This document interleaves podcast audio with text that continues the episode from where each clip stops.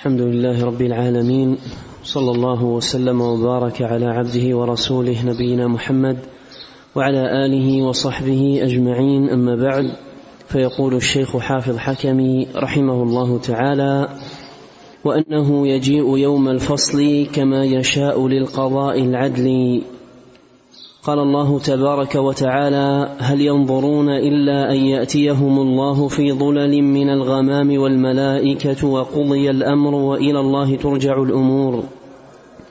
وقال تبارك وتعالى هل ينظرون إلا أن تأتيهم الملائكة أو يأتي ربك أو يأتي بعض آيات ربك. وقال تعالى ويوم تشقق السماء بالغمام ونزل الملائكة تنزيلا. وقال تعالى كلا إذا دكت الأرض دكا دكا وجاء ربك والملك صفا صفا. وقال تعالى وأشرقت الأرض بنور ربها. بسم الله الرحمن الرحيم. الحمد لله رب العالمين. وأشهد أن لا إله إلا الله وحده لا شريك له. وأشهد أن محمدا عبده ورسوله. صلى الله وسلم عليه وعلى آله وأصحابه أجمعين. اللهم علمنا ما ينفعنا وانفعنا بما علمتنا وزدنا علما وأصلح لنا شأننا كله ولا تكلنا إلى أنفسنا طرفة عين. أما بعد في هذا البيت وما تحته من شرح وبيان يتحدث الشيخ رحمه الله تعالى عن صفة المجيء وهي من صفات الله سبحانه وتعالى الفعلية الثابتة في الكتاب والسنة. فإن الله عز وجل أخبر عن نفسه في كتابه وأخبر عنه رسوله صلى الله عليه وسلم في سنته أنه يجيء يوم القيامة للفصل بين العباد مجيئا يليق بجلاله وكماله. فهذا المجيء حق ثابت في كتاب الرب سبحانه وتعالى وسنة النبي صلى الله عليه وسلم. فوجب اعتقاد ذلك والإيمان به. وهذا المجيء مجيء للفصل بين العباد لأن العباد يطول وقوفهم ويعظم خطبهم ويشتد كربهم ثم يفزعون إلى الأنبياء يطلبون منهم أن يشفعوا عند الله سبحانه وتعالى في أن يبدأ بالفصل بين العباد والقضاء.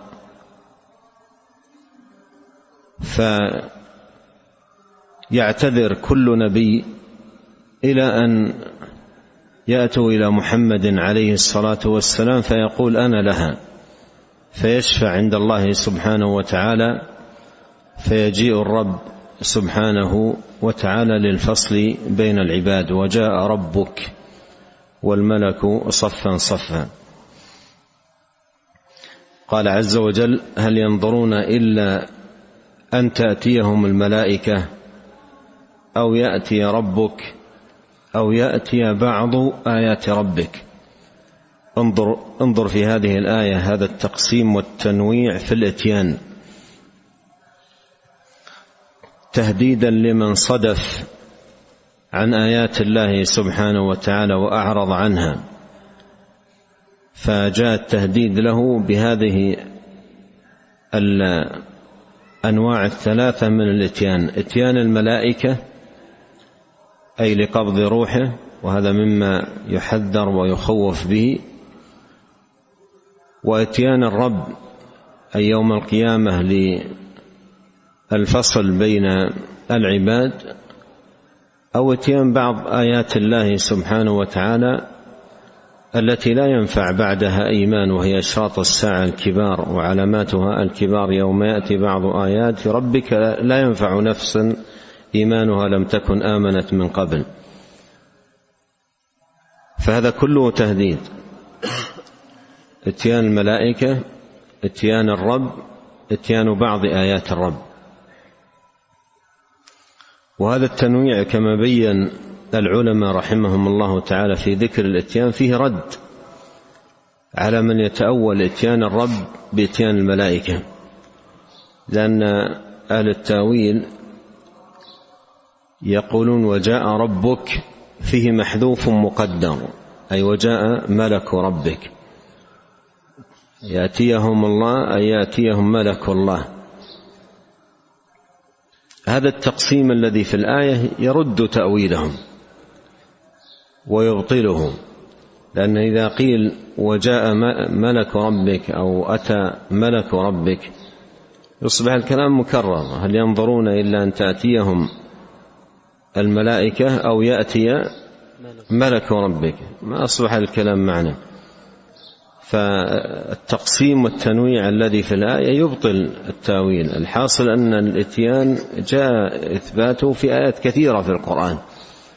وجاء إثباته في أحاديث عديدة عن رسول الله صلوات الله وسلامه عليه فهو حق.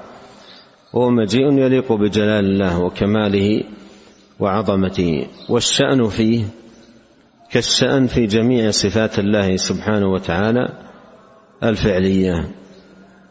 نعم. قال رحمه الله تعالى وفي حديث الصور المشهور الذي ساقه غير واحد من أصحاب المسانيد وغيرهم عن أبي هريرة رضي الله عنه عن رسول الله صلى الله عليه وسلم وفيه إن الناس إذا اهتموا لموقفهم في العرصات تشفعوا إلى ربهم بالأنبياء واحدا واحدا. من آدم فمن بعده فكلهم يحيد عنها حتى ينتهوا إلى محمد صلى الله عليه وسلم. فإذا جاءوا إليه قال أنا لها أنا لها. فيذهب فيسجد لله تعالى تحت العرش ويشفع عند الله في أن يأتي لفصل القضاء بين العباد. فيشفعه الله تعالى ويأتي في ظلل من الغمام بعدما تنشق السماء الدنيا. وينزل من فيها من الملائكة ثم الثانية ثم الثالثة ثم السابعة.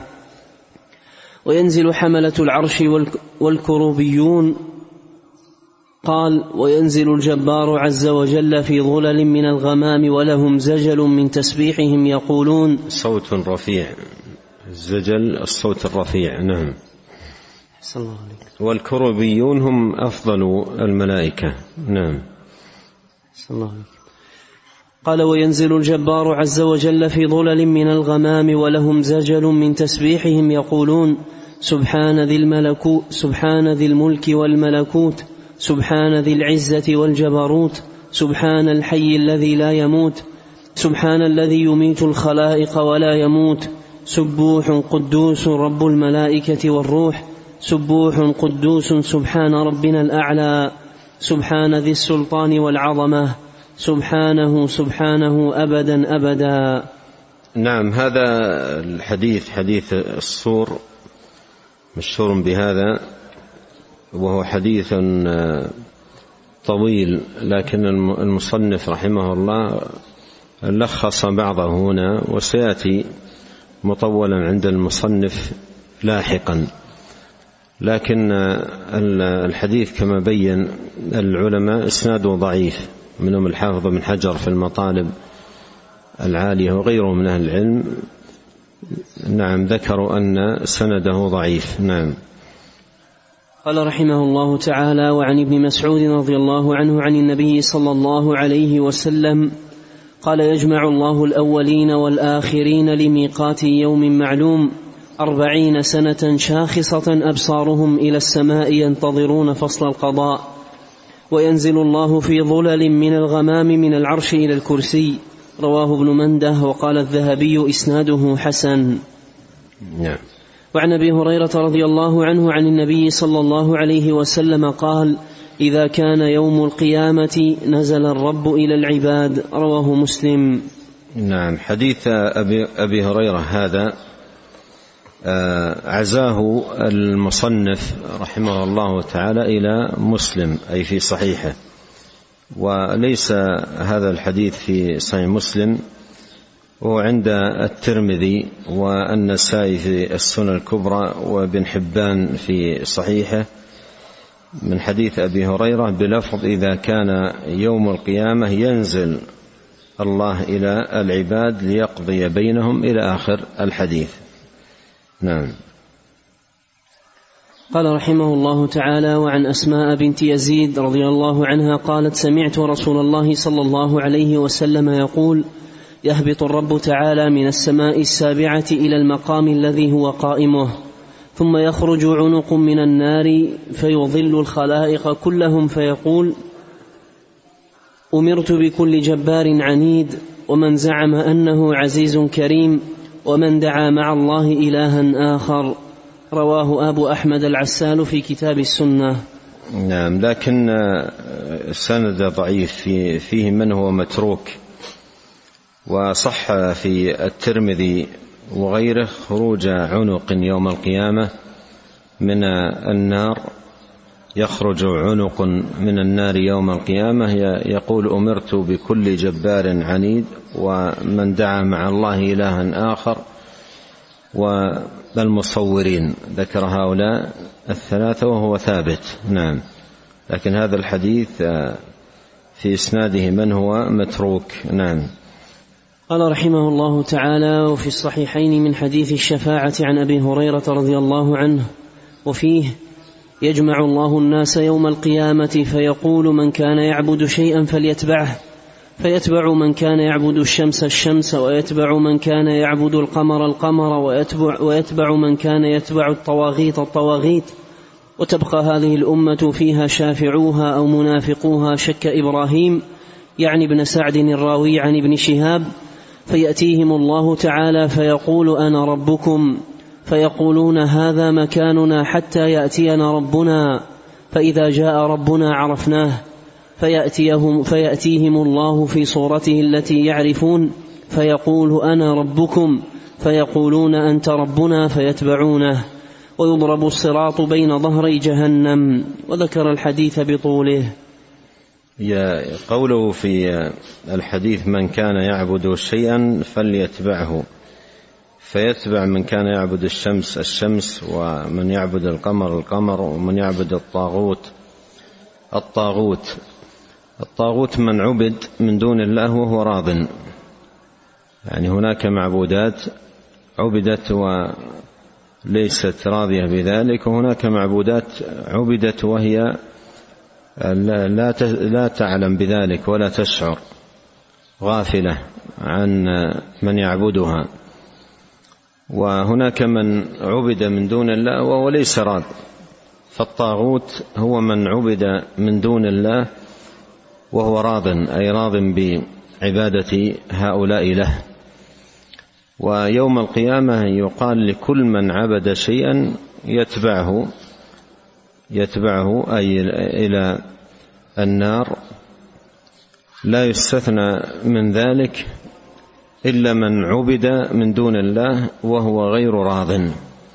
إلا من عبد من عبد من دون الله وهو غير راض. كالملائكة والأنبياء والصالحين من عباد الله. لأن من الأنبياء والصالحين من اتخذ معبودا من دون الله بعد موته لكنه لا يرضى بذلك. فيوم القيامة يقال لكل عابد يتبع معبوده ويزج بهم أجمعين في نار جهنم. كما قال الله سبحانه وتعالى إنكم وما تعبدون من دون الله حصب جهنم أنتم لها واردون. نعم. قال رحمه الله تعالى وله ما نحوه من حديث أبي سعيد رضي الله عنه وفيه حتى يبقى من كان يعبد الله من بر, من بر أو فاجر فيقال لهم ما يحبسكم وقد ذهب الناس فيقولون فأرقناهم ونحن أحوج منا إليهم اليوم وإنا سمعنا مناديا ينادي ليلحق كل قوم بما كانوا يعبدون وإنما ننتظر ربنا قال فيأتيهم الجبار في صورة غير صورته التي رأوه فيها أول مرة فيقول أنا ربكم فيقولون أنت ربنا فلا يكلمه إلا الأنبياء فيقول هل بينكم وبينه آية تعرفونه فيقولون الساق فيكشف عن ساقه فيسجد له كل مؤمن ويبقى من كان يسجد لله رياء وسمعة فيذهب كيما يسجد فيعود ظهره طبقا واحدا وذكر الحديث والأحاديث في هذا كثيرة. نعم يعني هنا في هذا الحديث التصريح بثبوت الساق صفة لله سبحانه وتعالى. بخلاف الآية قال يوم يكشف عن ساق يعني جاءت جاء ذكر الساق في الآية نكرة لكن هنا جاء جاءت الساق مضافة. إلى الله سبحانه وتعالى إضافة الصفة إلى الموصوف. ولهذا تعد يعد هذا الحديث وهو في الصحيحين مفسرا للآية. مفسرا للآية ويذكره أئمة السلف رحمهم الله تعالى تحت هذه الآية لأنه مفسر لها ومبين لمعناها وأن الساق هنا صفة الله سبحانه وتعالى.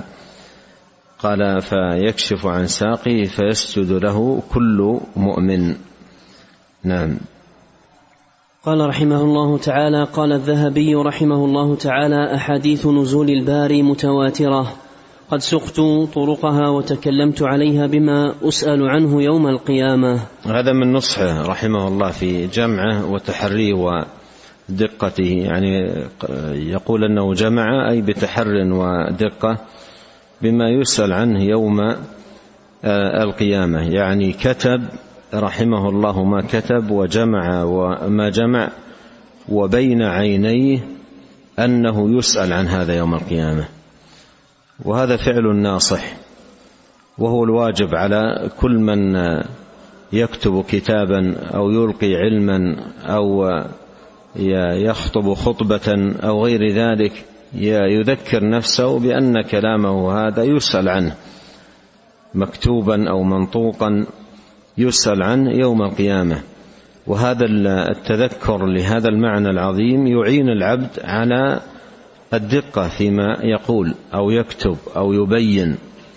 إذا تذكر ان أن كلامه هذا الذي يكتبه أو يقوله يسأله الله سبحانه وتعالى عنه يوم القيامة. وهذا الذي ذكره الذهبي رحمه الله تعالى ذكره في كتابه العلو بعد أن ساق آه، أحاديث كثيرة في النزول.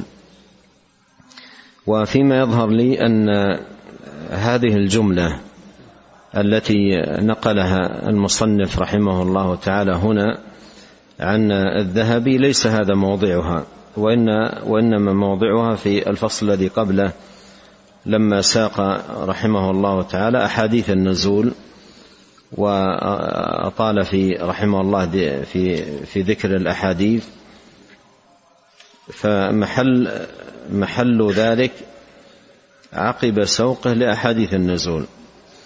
أما هنا فالفصل هذا في المجيء مجيء الرب تبارك وتعالى فحق هذه الجملة أحاديث نزول الباري متواترة حقها أن تكون قبل ذكر المجيء وبعد الانتهاء من ذكر آه، النزول. ونكتفي بهذا نسأل الله الكريم أن ينفعنا أجمعين بما علمنا وأن يزيدنا علما وتوفيقا وأن يصلح لنا شأننا كله وألا يكلنا إلى أنفسنا طرفة عين. اللهم اغفر لنا ولوالدينا ولمشايخنا ولولاة أمرنا وللمسلمين والمسلمات والمؤمنين والمؤمنات الأحياء منهم والأموات اللهم اقسم لنا من خشيتك ما يحول بيننا وبين معاصيك ومن طاعتك ما تبلغنا به جنتك ومن اليقين ما تهون به علينا مصائب الدنيا. اللهم متعنا بأسماعنا وأبصارنا وقوتنا ما أحييتنا واجعله الوارث منا واجعل ثأرنا على من ظلمنا وانصرنا على من عادانا ولا تجعل مصيبتنا في ديننا. ولا تجعل الدنيا أكبر همنا ولا مبلغ علمنا ولا تسلط علينا من لا يرحمنا. سبحانك اللهم وبحمدك أشهد أن لا إله إلا أنت أستغفرك وأتوب إليك. اللهم صل وسلم على عبدك ورسولك نبينا محمد وآله وصحبه. جزاكم الله خير